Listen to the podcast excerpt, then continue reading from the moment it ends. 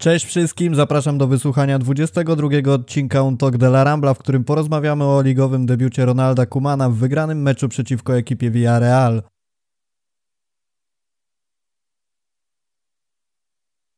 Cześć wszystkim jeszcze raz, jest dzisiaj ze mną Maciek Łoś. Cześć wszystkim. Zanim przejdziemy do głównych tematów, przypominam jak mantrę to, co wszyscy inni youtuberzy, czyli bardzo prosimy o subskrypcję, łapkę w górę i udostępnienia naszego podcastu, naszego kanału. Pomoże nam to zdecydowanie w rozwoju i dotarciu do tych, którzy jeszcze nas nie słyszeli, także bardzo prosimy o, o udostępnienia subskrypcji i łapki. Pamiętajcie o naszym hashtagu UTDLarambla. Jesteśmy po trzeciej kolejce Ligi Hiszpańskiej, pierwszym meczu Barcelony, co oczywiście wiemy jest spowodowane tym, że uczestniczyliśmy raczej w nieciekawym stylu w Lidze Mistrzów, natomiast początek przygody z Ligą Hiszpańską w sezonie 2021 na pewno jest udany. Wygraliśmy 4-0 z ekipą Villarreal. Zacznijmy może naszą rozmowę od tego, jak wyglądała wyjściowa jedenastka. Maciek, czy zaskoczyło Cię coś? Może przypomnę jeszcze Neto, Alba, Lengle, Pique, Roberto, Busquets, De Jong, Fati, Coutinho, Griezmann i Messi. Nie, tak szczerze nie zaskoczyło mnie to, e, to co na wczorajsze spotkanie przygotował e, Ronald Koeman. E, no bo popatrzmy, kogo, kogo innego moglibyśmy zobaczyć, zobaczyć w pierwszym składzie. Neto musiał zagrać, no bo wiadomo, Mark-André Ter Stegen jest kontuzjowany, przeszedł operację i, i jeszcze w, przez kilka tygodni pewnie go nie zobaczymy na boisku czwórka obrońców po odejściu, e, po odejściu Nelsona Semedo nie ma żadnej konkurencji na prawej obronie. Oczywiście jeśli, jeśli w najbliższym czasie nie przyjdzie Serginho Dest, e, no to mamy tylko tak naprawdę Sergiego Roberto. E, środek obrony Clement Langlais i Gerard Piqué to jest dwójka zdecydowanie najlepszych środkowych obrońców obecnie w klubie. Samuel Umtiti wiecznie z problemami zdrowotnymi. Oczywiście jest jeszcze e, Araujo, jest, jest Todibo, ale to nie są chyba piłkarze, którzy e, powinni zacząć e, pierwszy, w pierwszym meczu z tak trudnym przeciwnikiem. No może, może tutaj w drugiej, w drugiej linii bym, bym chciałbym zobaczyć oczywiście Miralema Pianicza, ale to ch chyba też jest za wcześnie. Raczej Bośniak powinien, e, powinien e, zgrać się trochę z drużyną i, i wydaje mi się, że dobrą decyzją Kumana było wystawienie Frankiego, De Jonga i e, Sergio Busquetsa. No a z przodu Usman Dembele nadal jest, y, jest chyba, wydaje mi się, y, no dochodzi do, do takiej pełnej dyspozycji fizycznej, no i, y, no i musi chyba też powoli wchodzić do, do drużyny. Raczej, raczej takie 90 minut na pewno nie jest, jeszcze, nie jest jeszcze moment dla Francuza.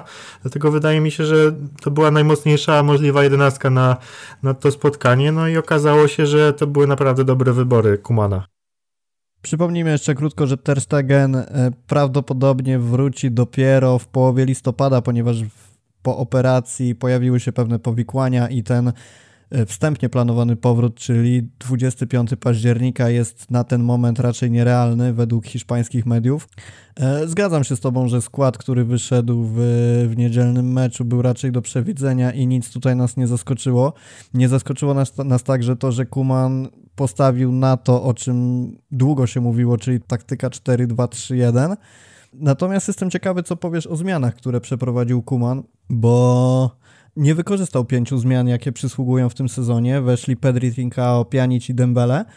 Natomiast nieruszeni zostali Firpo, Rafinha, Puig, Alenia i Araujo. O ile Firpo i, i Rafinha myślę, że decyzja jak najbardziej logiczna, bo Rafinha to jest prawdopodobnie już jedną i drugą nogą poza klubem, Firpo być może dopiero jedną.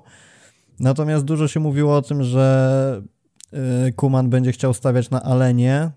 Wspominało się o tym, że Araujo może być tym trzecim stoperem w tym sezonie, natomiast nie skorzystał z nich Holender w, w niedzielnym spotkaniu. Zaskoczenie, czy raczej myślisz, że Kuman chciał ogrywać takie swoje, takich swoich najlepszych 11 zawodników na ten moment? Mm, wydaje mi się, że to były dobre decyzje Kumana, bo y, popatrzmy, kto, kto wchodził na boisko. Zostało zmienionych czterech y, czterech z tych pięciu pomocników, czyli e, został tylko Frankie de Jong z dwójki pivotów, i, a cała trójka ofensywnych pomocników została zmieniona, dlatego jakby, e, jakby wszedł jeszcze Puig czy Alenia, to, to rzeczywiście cała, cała linia pomocy zostałaby zmieniona. No być może warto było dać szansę później któremuś ze środkowych obrońców, czy to e, Araujo, nie, bo widzę, że nie było chyba, chyba Todibo na ławce. No w każdym razie ci zawodnicy, którzy weszli, naprawdę, naprawdę pokazali się z dobrej strony. E, naprawdę fajnie zaprezentował się Trinkao, który miał, oddał dwa strzały i naprawdę jeden był, był e, mógł, mógł zaskoczyć, zaskoczyć Asenjo. E, Pedri, widać u niego naprawdę dobrą kreatywność, zmysł taki do, do gry taktycznej. Myślę, że to będzie naprawdę zawodnik na, na lata w Barcelonie i, i w przyszłości jeden z liderów środka pola. E, pianić, e, no tak jak mówiłem, on potrzebuje na pewno czasu jeszcze, żeby, żeby wejść do drużyny, ale również e, mm, wydaje mi się, że, że zagrał całkiem, całkiem ok. Dembele Dembele, cóż, cóż można o nim powiedzieć? Jest szybki, to widać cały czas, ale jeszcze brakuje mu, mu na pewno no właśnie widać, widać po nim, że te kilka miesięcy nie grał w piłkę na takim profesjonalnym poziomie i nadal mam związane z nim duże nadzieje i wierzę, że w końcu odpali, ale e, też nie można oczekiwać, że zrobi to od samego początku. Do Dembele jeszcze za sekundę wrócimy, ale tak patrząc na wynik 4-0 w pierwszym meczu ligowym to na pewno napawa optymizmem. Tylko na ile możemy powiedzieć, że jest to wynik dobrej gry Barcelony, a na ile słaba postawa ekipy Villarreal, bo Spójrzmy nawet na same nazwiska, gdzie w Villarreal mamy przecież w obronie Pau Torresa, który był przymierzany do Barcelony razem z Erikiem Garcią, e, wyrastający w zasadzie na podstawowego stopera reprezentacji Hiszpanii. Mamy tę te, te dwójkę z Walencji, Parejo i Coquelin. Chukwueze na skrzydle też myślę, że zawodnik nietuzinkowy i, i być może pomijany w tych wszystkich rozważaniach, ale naprawdę przyjemnie patrzy się na jego grę na przestrzeni całego sezonu. E, minionego oczywiście, w tym, w tym jeszcze ciężko go oceniać. E, z przodu Alcacer, Gerard Moreno, czyli zawodnik, który w poprzednim sezonie strzelił 18 goli w lidze hiszpańskiej i był najlepszym hiszpańskim napastnikiem, e, również będący prawdopodobnie przymierzany do roli najlepszej podstawowej dziewiątki reprezentacji Hiszpanii na ławce Unai Emery, czyli no, nie da się ukryć, że trener z, z topu, jedny, jedno z większych nazwisk. No, okazuje się, że jednak, jednak Barcelona po okresie, można powiedzieć, mniejszej lub większej rewolucji zdołała zdobyć trzy punkty w dobrym stylu. Jak ty oceniasz ten mecz? Popatrzmy, że na przykład z VRL-em wygrał też w dobrym stylu Kika Setién i to był chyba jego jedyny, jedyny dobry mecz e, w Barcelonie w, e, za jego kadencji. Ale no to prawda, VRL to nie jest e, drużyna, mm, to nie są na pewno ogórki, patrząc przynajmniej po składzie i, i tak jak powiedziałeś właśnie, jacy zawodnicy tam grają i kto siedzi na ławce. Ale no właśnie, Unai Emery zawsze jak przyjeżdża na Camp Nou zawsze przegrywa. To jest naprawdę jakiś fatum, ciąży na nim i, i ja się cieszę z tego, że nadal ta statystyka mu się nie poprawiła. Oczywiście Barcelona zagrała bardzo dobrą pierwszą połowę, w drugiej odpuściła, ale mm, wydaje mi się, że to też nie było, nie było coś, coś złego, bo wynik był bardzo dobry i e, też e, nie warto od pierwszej kolejki męczyć zawodników, żeby, e, żeby grali na jakieś niesamowicie wysokie wyniki. To nie jest jeszcze ta faza sezonu. Przyjdą, przyjdą mecze, gdzie ta intensywność musi być przez całe 90 minut, a tutaj jeżeli po 45 minutach jest naprawdę korzystny rezultat, to jak najbardziej można trochę, trochę zwolnić tempo. No popatrzmy, Villarreal też e, na początku sezonu no nie jest to drużyna, która, e, która dobrze weszła w rozgrywki. 1-1 e, w pierwszej kolejce z Łeską, potem wymęczone zwycięstwo z Eibarem. No wydaje mi się, że mielibyśmy większe problemy grając z, z, drużynami typu Athletic Bilbao czy Sevilla, które naprawdę e, bardzo dobrze stawiają się, stawiają się piłkarzom Barcelony, i, a ich e, skład jest dość porównywalny do siły Villarrealu, także to był chyba naprawdę dobry, e, dobry przeciwnik, żeby wejść sezon w dobrych humorach, ale też nie warto popadać w hura optymizm, bo to dopiero pierwsze spotkanie i naprawdę jeszcze daleka droga do tego, żeby było dobrze. Oczywiście w tej wyliczance muszę jeszcze dodać takie fusa Kubo, bo przynajmniej po tym meczu niedzielnym widać, że jest na pewno w gazie i, i będzie robił różnicę i tak z czysto sportowej perspektywy życzę mu jak najlepszego rozwoju, chociaż mam nadzieję, że Real sięgnie po niego jak najpóźniej. Nie uciekniemy od tematu młodych zawodników, bo Ansu Fati rozpoczął sezon naprawdę fenomenalnie. Dwa gole, wywalczony karny i na przestrzeni tych minut, które rozegrał, pokazał się z naprawdę dobrej strony. Mówimy cały czas o tym, że on ma 17 lat, jest to ciągle zawodnik młody, wchodzący do drużyny, który gdzieś łączy ten swój profesjonalizm, o którym mówią trenerzy, cały czas taką, takim dziecinnym, młodzieńczym, e, może trochę szczęściem, może taką lekkomyślnością, może nie lekkomyślnością, bo to jest złe słowo, ale taką młodzieńczą przebojowością, coś takiego. Natomiast każdy kolejny mecz daje podstawy sądzić, że ten zawodnik jest już graczem pierwszej kadry, to na pewno, może wyjściowej jedenastki. I czy my możemy już według Ciebie od niego oczekiwać takiej gry, jakiej, jaką prezentuje, czy jednak jeżeli zdarzą mu się te słabsze mecze, to musimy mu wybaczyć? Jak Ty to widzisz? Na pewno po 17-latku nie, nie można oczekiwać, że jego forma będzie stała, bo jeśli by tak było, jeśli utrzymywałby ją przez, przez cały sezon, to mówilibyśmy o naprawdę fenomenie, który, e, którego chyba nie widziałem jeszcze w swoim życiu oprócz Leo Messiego. E, także jeżeli, jeżeli Ansu Fati utrzyma swój poziom, to czapki z głów. Ale wydaje mi się, że trzeba być oczywiście trochę ostrożnym, no i dość cierpliwym, bo e, na pewno będą się przydarzały gorsze momenty, e, gorsza forma ale wydaje mi się że też, że Fati sam, e, sam sobie stawia tak, e, tak wysoko poprzeczkę, bo tak naprawdę co nie zrobi, to mu wychodzi. Tutaj dwa naprawdę ładne gole z Villarrealem. W poprzednim sezonie wszyscy pamiętają jego popisy, czy to jak wszedł z, z ławki z Interem i stał się najmłodszym strzelcem w historii Ligi Mistrzów, czy, czy ostatnio strzelił nawet bramkę w drugim meczu w reprezentacji Hiszpanii seniorskiej. To, to są naprawdę nie, niebywałe osiągnięcia dla tak młodego zawodnika.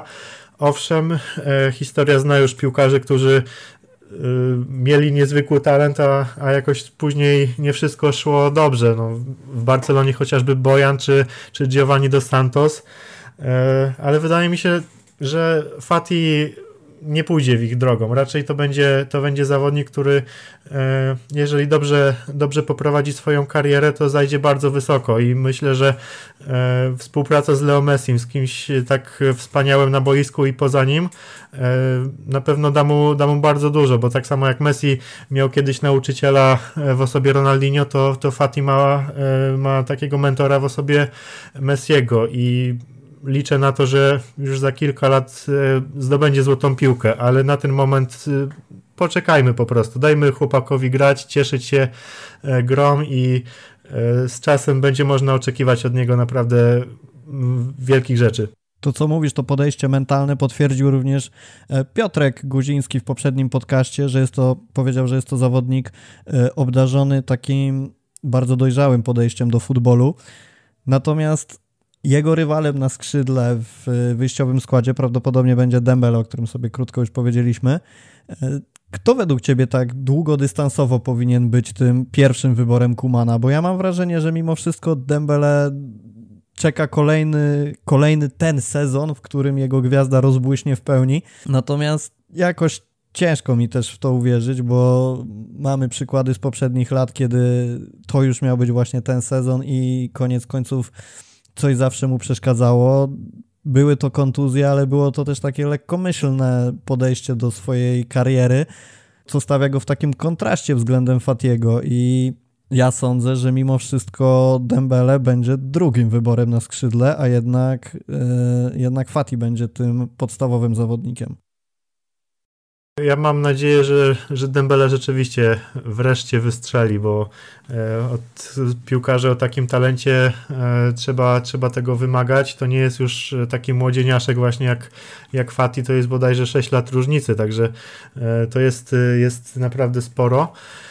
Oczywiście kontuzje bardzo mu przeszkodziły w tym, żeby odnieść sukces w Barcelonie, ale tak jak powiedziałeś też to dość nieprofesjonalne prowadzenie się.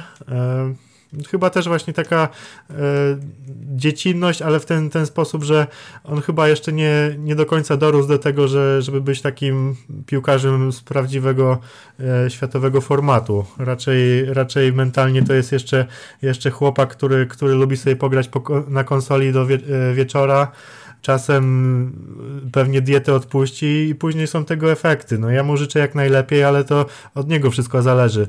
Jeżeli jego forma będzie, będzie na tyle dobra, żeby, żeby Ronald Kuman miał jakieś wątpliwości, czy, czy powinien grać on czy Fati, to moim zdaniem Dembele powinien być pierwszym, pierwszym wyborem, no bo właśnie nie można tak oczekiwać od Fatiego, że, że on już w wieku 17 lat będzie pierwszym skrzydłowym w jednym z największych klubów na świecie.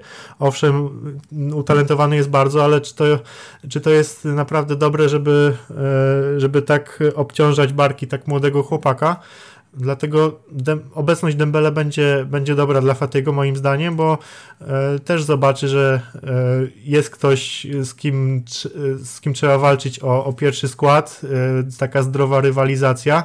E, a z kolei dla Dembele to też obecność Fatego jest dobra, bo, bo on też nie może, nie może sobie po prostu odpuścić i, i wie, że młodziak go naciska i to jest ten moment, kiedy, kiedy on wreszcie musi wystrzelić. Także e, cieszę się, że Barcelona ma w kadrze dwóch e, takich, takich zawodników, bo to tylko dobrze dla, dla klubu i właśnie dla rywalizacji. Lewe skrzydło można powiedzieć mamy obstawione, natomiast na prawym skrzydle to co się działo E, w meczu z Villarrealem, to mi się lekko mówiąc bardzo nie podobało. Nie chcę już kolejny raz najeżdżać na Griezmana, bo, bo już to się działo wiele razy w naszych podcastach, natomiast trudno ten temat po prostu ominąć. Tym bardziej, że mam wrażenie, że na Rambli i ogólnie w, w mediach po, po tym meczu pojawiło się dużo takich głosów bardzo skrajnych. To znaczy, z jednej strony pojawiły się głosy mówiące, że Griezmann jest beznadziejny, nie pasuje do Barcelony, jest zagubiony, gra znowu nie na swojej pozycji, bo przykład Piotra Zielińskiego, dwa metry wyżej, metr w lewo i byłby zawodnikiem walczącym o złotą piłkę, no a tutaj to niestety nie jest to jego pozycja. Ale były też takie głosy mówiące, że Griezmann jest osobą bardzo ciężko pracującą dla dobra drużyny i mimo tego, że go nie widać, to jednak wykonuje kawał kapitalnej roboty. Ja się przychylam bardziej mimo wszystko do tej pierwszej e, wersji, czyli że jednak Griezmann nie jest zawodnikiem na miarę Barcelony. Nie mówię, że jest to zły zawodnik, tylko po prostu nie pasujący do tego klubu. I też zwróćmy uwagę na to, że Griezmann na przestrzeni minut, które rozegrał, zanotował znacznie mniej kontaktów na, na całym boisku, bo, bo było to 30 kontaktów z piłką, e, Fati 62 kontakty, Griezmann zaledwie 27 podań, z czego tylko 12 do przodu i z jednej strony mówimy o tym, że jest to zawodnik pracujący na całym boisku, z drugiej notuje 12 podań do przodu na przestrzeni tych 70 czy 75 minut. No, coś jest tutaj y, moim zdaniem nie tak. Zero udanych driblingów, natomiast o tym się mówi, że, że Griezmann to nie jest zawodnik dryblujący oczywiście. Fakt jest też taki, że, że, że Barcelona znacznie częściej operowała lewą stroną boiska, przez co wiadomo, Griezmann był mniej przy piłce niż Fati, no tylko z czego to wynika? Z tego, że po prostu Barcelona na lewej stronie czuła się pewniej.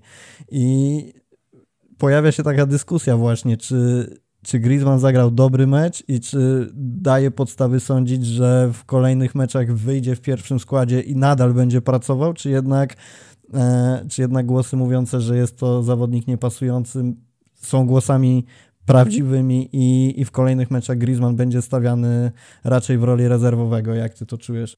Griezmann, e, długo zbraniałem się przed ocenianiem go właśnie, czy to jest e, nie wypał, czy, czy, czy jest to rzeczywiście piłkarz, który, który może karierę w Barcelonie zrobić, tylko trzeba, potrzeba mu czasu.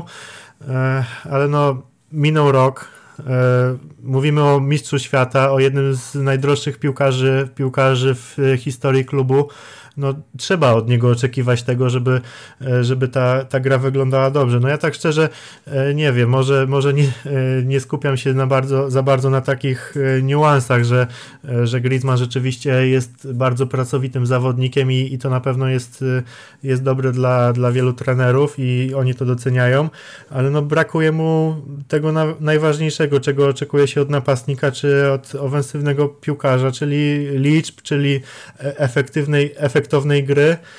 No, Griezmann tego kompletnie nie pokazuje i, i, po raz kolejny, e, ja już nie wiem ile, ile tych meczów było w tamtym sezonie, ile, ile razy właśnie starałem się mówić, no trzeba dać mu jeszcze czas, może, może w przyszłym sezonie odpali, a tu w pierwszym meczu tak naprawdę większość zawodników w ofensywie naprawdę e, coś, coś po sobie zostawiła w tym spotkaniu, a Griezmann tak naprawdę przeszedł obok tego, tego meczu. Już nawet Trincao, który wszedł, e, wszedł za niego w końcówce, oddał dwa strzały i mógł zdobyć bramkę, a Griezmann Griezmann.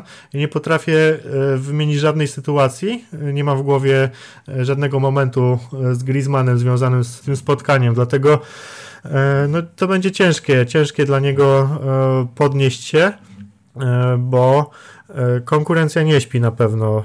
To prawda, że chłopaki są młodsi, mniej doświadczeni, E, Griezmann kosztował tyle, ile kosztował i pewnie e, klub będzie naciskał, żeby jednak e, gwiazda za tak wielkie pieniądze występowała w pierwszym składzie. Ale czy, czy rzeczywiście on zasłużył na to? Moim zdaniem nie. Moim zdaniem trzeba, trzeba spojrzeć, nie patrzeć na cenę, za ile Griezmann przeszedł do klubu, tylko rzeczywiście ile on daje E, nie tylko w defensywie, ale przede wszystkim w ofensywie, bo według mnie to jest jego główna rola i za to powinno się go rozliczać. E, dlatego na ten moment uważam, że Griezmann jest piłkarzem niepasującym do Barcelony i yy, tak szczerze nie wierzę, żeby to się zmieniło przez ten sezon. Obym się mylił, ale no zobaczymy jak to wyjdzie. Ja się jeszcze zastanawiałem nad tym, czy te głosy broniące Griezmana nie polegają na tym, że widzimy zawodnika, który kosztował, który ma wielkie nazwisko i w piłce osiągnął na pewno dużo i próbujemy tak trochę na siłę doszukiwać się tych jego dobrych zagrań i tłumaczyć go tym, że on pracuje. Dla mnie, szczerze mówiąc, zawodnik o takim nazwisku, o, o takich umiejętnościach powinien robić coś znacznie więcej niż tylko pracować, ale zobaczymy. Może, może na przestrzeni całego sezonu rzeczywiście odpali i i tego mu życzymy, bo naprawdę już kolejny podcast, w którym trochę się nad nim znęcamy, natomiast no, szczerze mówiąc daje nam ku temu powody. E, chciałem cię jeszcze zapytać o takie coś, czy nie sądzisz, że słaba gra Griezmana wynika z gry Sergiego Roberto, bo widzieliśmy na lewej stronie jak funkcjonował Jordi Alba, naprawdę bardzo dobry mecz, natomiast Roberto to, co już wielokrotnie było powtarzane. Zawodnik, który gra wszędzie, a tak naprawdę nigdzie nie gra dobrze. I być może właśnie sprowadzenie Desta, który wydaje być się już, jeżeli nie potwierdzony, to na samym finiszu tego potwierdzania odmieni nieco Griezmana i da mu e, jakieś nowe opcje na skrzydle.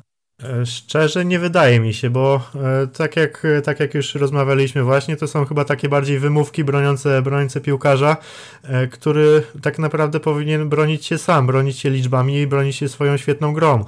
Mistrz świata, jeden z, tak jak powiedziałem, jeden z najdroższych piłkarzy w historii, on powinien gra, umieć grać z, naprawdę na każdej pozycji w ataku, bo jest do tego, jest do tego zdolny. No szkoda, że tego nie pokazuje. E, czy to e, będzie grał lepiej z Destem? No nie wiem, zobaczymy. Oby, oby tak było. E, będę za to trzymał kciuki, ale nie jestem przekonany, żeby, żeby coś się rzeczywiście zmieniło w grze Griezmana dzięki, dzięki przyjściu nowego prawego obrońcy. Duża różnica, jaką zobaczyliśmy względem poprzedniego sezonu, to to, o czym Kuman wspominał, że będzie grał na dwóch pivotów, Busquets i De Jong. Jak obiecał, tak zrobił. W niedzielnym meczu zobaczyliśmy właśnie taką formację. I odpowiadając tutaj na wiele komentarzy płynących z Rambli, czy długoterminowo myślisz, że Busquets ma szansę się utrzymać w tym pierwszym składzie, czy jednak ten podstawowy, tę podstawową dwójkę będą stanowić De Jong i Pianić? Busquets jest w takiej pozycji, że e, wszystkie oczy są skierowane na niego i on rzeczywiście musi poprawić tą e, swoją grę, bo E, bo jeżeli tego nie zrobi, to rzeczywiście Pianić e, prawdopodobnie go wygryzie ze składu. E, to jest bardzo doświadczony zawodnik i, i też pokazał już w wielu klubach, że, że potrafi grać w piłkę i to jest takie zwieńczenie jego, jego kariery. Przychodzi do, do Barcelony w swoim najlepszym momencie.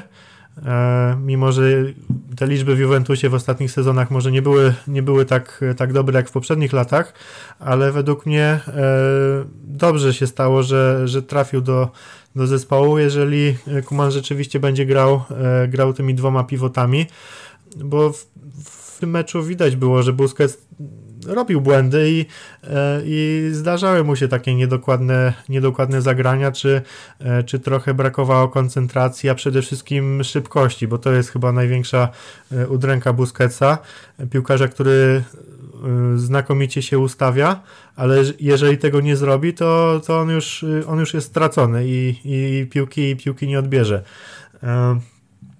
Także no, wszystko zależy od niego. Jeżeli poprawi swoją grę, owszem, to jest, to jest zawodnik, który może grać w pierwszym składzie. E, ale na ten moment, e, jeżeli Pianić e, rozegra kilka meczów, wejdzie już w taki swój rytm, to być może rzeczywiście wygryzie Busquetsa i, i z podstawowego zawodnika stanie się tylko rezerwowym. W mojej opinii Busquets tak naprawdę nie daje już Barcelonie tyle, żeby nie sądzić, że Pianić go wygryzie. To znaczy Busquets jak gra, to gra poprawnie i to nie jest poziom, którego Pianić by moim zdaniem nie osiągnął w Barcelonie, bo to nie jest wysoki poziom, nie oszukujmy się.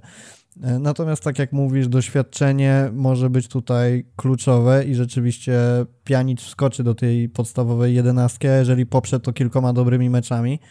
Kto wie, być może ten sen o posadzeniu Busquetsa wreszcie się ziści, bo ja nie ukrywam też, że momentami mam troszkę dosyć patrzenia na jego ślamazarną grę, mimo że gdzieś poprawnego rozumowania na boisku, tego, tej, tej myśli taktycznej na pewno nie można mu odmówić, natomiast wydaje mi się, że e, to jest to, czym to, to, to, co też się często powtarza, że to jest piłkarz skrojony na miarę gry 10 lat temu, to znaczy prezentujesz bardzo archaiczny profil zawodnika, a niestety futbol poszedł do przodu i sądzę, że Pianić mimo wszystko, chociaż też nie najmłodszy zawodnik może go wygryźć. A propos niedzielnego składu, możemy też zauważyć jedną istotną zmianę względem poprzedniego sezonu, to znaczy Coutinho wrócił do Barcelony z wypożyczenia, dostał od losu drugą szansę co sądzisz o tym transferze, że tak powiem, bo ja szczerze mówiąc wiążę z nim duże nadzieje. E, ja również i jak już e, było wiadomo, że, że Bayern nie wykupi e, Coutinho, to chciałem jego powrotu. Nie chciałem, żeby Barcelona go sprzedawała nawet za, za duże pieniądze, bo jestem świadomy tego, że jest to piłkarz, który jest w stanie wrócić na swój poziom i dać, dać temu klubowi jeszcze bardzo dużo. Na pewno wierzę w niego zdecydowanie bardziej niż w Griezmana i nawet bardziej niż w Dembele, który, który mm, no wciąż jest tym młodym chłopakiem i nie wiadomo, czy, czy wyrośnie i, i będzie, będzie rzeczywiście tym, tym liderem, który miał być, tym nowym Neymarem. A Coutinho to już zawodnik doświadczony, E, wciąż, wciąż jeszcze na tyle młody, żeby móc się rozwinąć. E, zobaczmy, jak przez ten rok, ile nabrał muskulatury w Bayernie. To, to jest niesamowite w ogóle, jak Bayern, Bayern buduje tych zawodników, czy Gorecka, czy, czy Lewandowski. No i po Coutinho też to widać, że, że nabrał tej masy mięśniowej i to też może być dla niego nowy atut i też zauważyłem to we wczorajszym meczu. E, chyba Kuman chce, żeby Coutinho był tym e, liderem.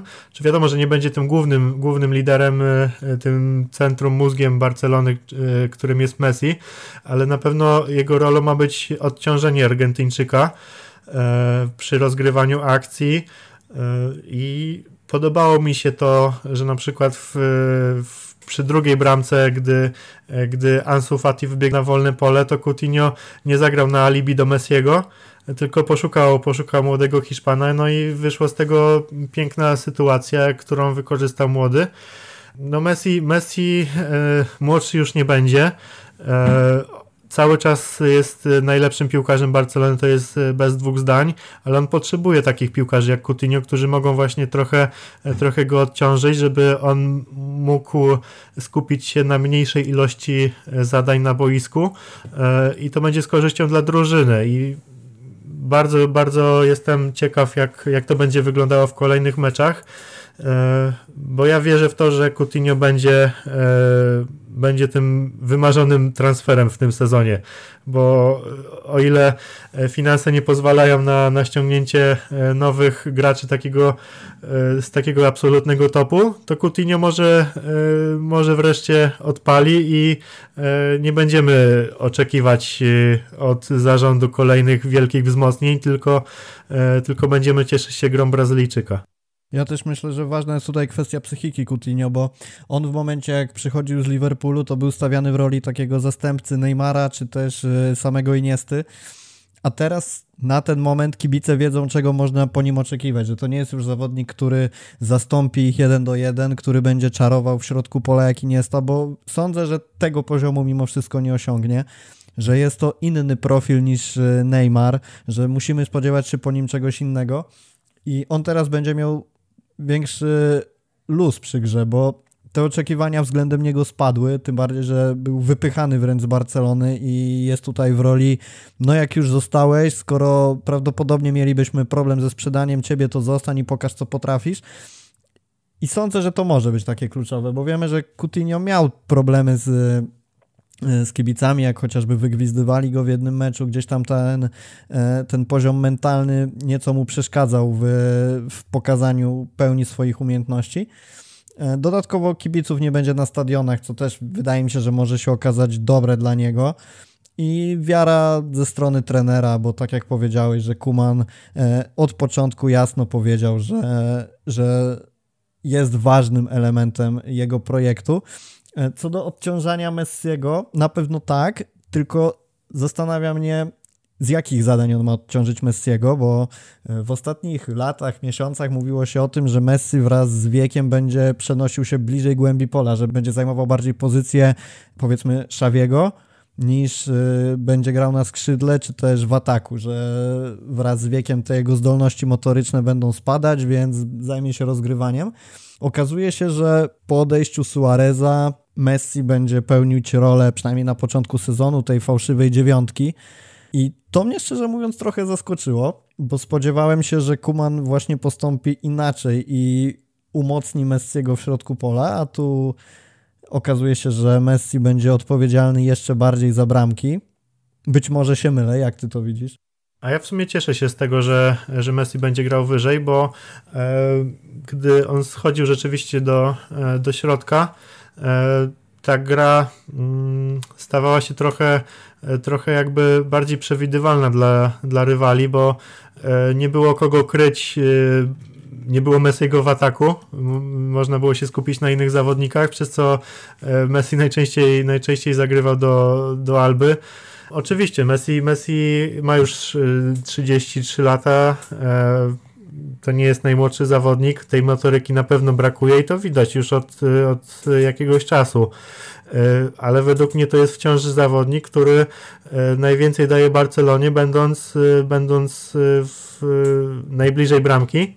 Oczywiście jest też znakomitym piłkarzem rozgrywającym, obecnie najlepszym w Barcelonie, ale też nie może, nie może jeden człowiek pełnić wszystkich, wszystkich ról, tak jak było w to w zeszłym sezonie piłkarze tacy jak Coutinho powinni e, brać e, grę na swoje barki, e, czy to właśnie Brazylijczyk, czy, czy Frankie de Jong, czy może w przyszłości nawet Pedri, oby jak najszybciej. E, no mam nadzieję, że, że Barcelona mimo wszystko kupi e, środkowego napastnika, bo po prostu jest taki potrzebny, żeby e, można stosować różne, różne taktyki. Też może tak się zdarzyć, że Messi nie będzie mógł zagrać z powodu jakiegoś urazu, czy, czy z, z, innego, z innego powodu. No i co wtedy? Nie mamy, nie mamy tak naprawdę no, takiej dziewiątki, no powiedzmy Griezmann mógłby tam zagrać, ale ja jestem naprawdę ciekawy, jak to będzie wyglądało. Czy, czy Kuman rzeczywiście e, będzie starał się grać, e, starał się, by Messi grał e, bliżej bramki. Mm, w pierwszym meczu wyglądało to ciekawie, właśnie dzięki temu, że ci pozostali zawodnicy mogli, mogli trochę rozwinąć skrzydła. I chyba to jest sposób, żeby Barcelona wreszcie zaczęła, zaczęła grać tak jak powinna, bo ciągłe podawanie na, do Messiego i nie podejmowanie ryzyka przez innych zawodników kończy się źle, bo Messi, Messi sam, sam meczu nie wygra. Także mam nadzieję, że, że będzie grał jak najwyżej. Trzeba podkreślić, co powiedziałeś, że powinien grać zespół, a nie Messi. I to fajnie funkcjonowało w meczu z Villarrealem, bo rzeczywiście często było tak, że przynajmniej w pierwszej połowie, w drugiej może już troszkę inaczej to wyglądało, ale w pierwszej połowie rzeczywiście e, chłopaki nie pchali wszystkiego na siłę do Messiego, tak jak już wspomniałeś tutaj o akcji Coutinho, i rzeczywiście wydaje się, przynajmniej po tym pierwszym meczu, cały czas to podkreślamy, że sytuacja będzie się zmieniać i ciężko cokolwiek tak naprawdę oceniać, ale po tym pierwszym meczu widać, moim zdaniem, że Kuman będzie chciał wykorzystać Messiego w swojej taktyce, a nie ustawiać taktykę stricte pod Messiego i to jest bardzo ważne. I to jest to, czego tak naprawdę oczekiwaliśmy od trenera, który przyjdzie do Barcelony, żeby odciążyć Messiego i to też wiąże się z tym, że pojawiły się takie głosy mówiąc, że Messi w niedzielnym meczu był niewidoczny i, i że nie grał na miarę swoich możliwości. A moim zdaniem to właśnie bardzo dobrze, że, że był mniej widoczny niż zwykle, bo pomimo tego, że był niewidoczny, to zagrał dobry mecz, a Barcelona wygrała. I tego mam nadzieję, że Kuman będzie się trzymać. E, na koniec powiedzmy sobie jeszcze jedną rzecz. Jak ty widzisz nadchodzący sezon? Bo e, zacznijmy może od kolejnego meczu ligowego, bo szczerze mówiąc, jak przeglądałem sobie statystyki e, wyjazdów do Vigo, bo kolejny mecz, przypominamy, 1 października z Celtą na wyjeździe, e, to mamy tak. To są mecze, mecze z Celtą na wyjeździe. Czerwiec 2020, 2-2 remis, e, dwa gole Suareza, którego już nie ma i w 80 minucie, w 88 minucie gol Aspasa na remis. Wcześniejszy mecz, maj 2019, przegrana 2-0, Aspas w 88 znowu na, e, na tą, tą drugą bramkę dla Celty zdobył. Wcześniej, kwiecień 2018, znowu remis 2-2 i znowu Aspas na remis w 82. E, wcześniejsze mecze, styczeń 2018, Copa del Rey 1-1. Wcześniej wracamy znowu do meczów ligowych październik roku 2016, przegrana 4-3. To jeżeli się nie mylę, to był popis Terstegena, który tam trochę przypajacował bramce. Również gola z pasa. Jeszcze wcześniej, wrzesień 2015 roku, przegrana 4-1. Tutaj znowu popis, dwa gola z pasa. I ostatni wygrany mecz wyjazdowy z Celtą to jest kwiecień 2015 roku. I uwaga, wygrana 1-0 po golu Matie i asyście Szawiego. I czy to są statystyki, które Twoim zdaniem pozwalają sądzić, że w kolejnym meczu Barca zgarnie trzy punkty? Nie, a wiesz dlaczego? Wiesz, kto strzelił wszystkie trzy bramki dla Celty Vigo w tym sezonie? Oczywiście Jago Aspas. Także e, on na pewno będzie, będzie groźny w tym meczu i, i trzeba będzie na niego bardzo uważać, e, bo on się po prostu chyba nie starzeje. On za każdym, w każdym sezonie gra, gra to samo. E, to nie jest piłkarz, który, któremu pewnie by wyszło w jakimś dużym klubie, a dla Celty Vigo jest po prostu idealny i, i to jest największa gwiazda zdecydowanie i, e, i pokazuje to poprzez e, przez nie wiem już ile lat i, i w tym sezonie zaczął po raz kolejny wspaniale.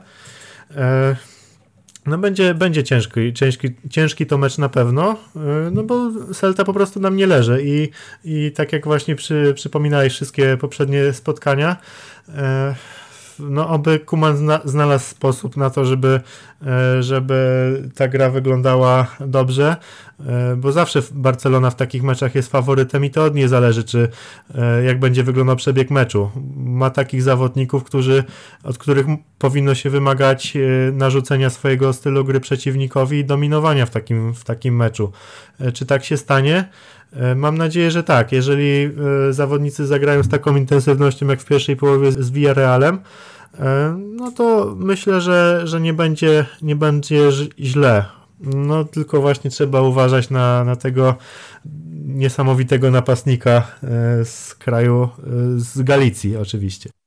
A jak się zapatrujesz na cały sezon? Czego oczekujesz od Barcelony? Bo tutaj też opinie są skrajne. Jedne mówią, że Barcelona będzie walczyć o środek tabeli, a pojawiają się też głosy, co prawda mniej odważne i pewnie nieco cichsze, że Liga Mistrzów po rewolucji Kumana jest w zasięgu. No ja nie wyobrażam sobie, żeby Barcelona mogła, mogła bić się w środku tabeli, bo to jest zbyt dobra drużyna na, na to i nawet te problemy pozaboiskowe, czy, czy ostatnie fatalne wyniki e, w Lidze Mistrzów e, tego, e, tego nie zmienią. No, zaczęliśmy naprawdę dobrze od 4-0 z silnym rywalem.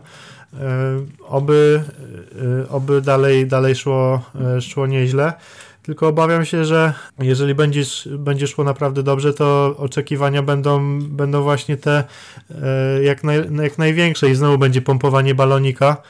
E, a może się okazać, że to, że to też e, w końcu pęknie. Chciałbym, żeby Barcelona walczyła o, o wszystkie trofea.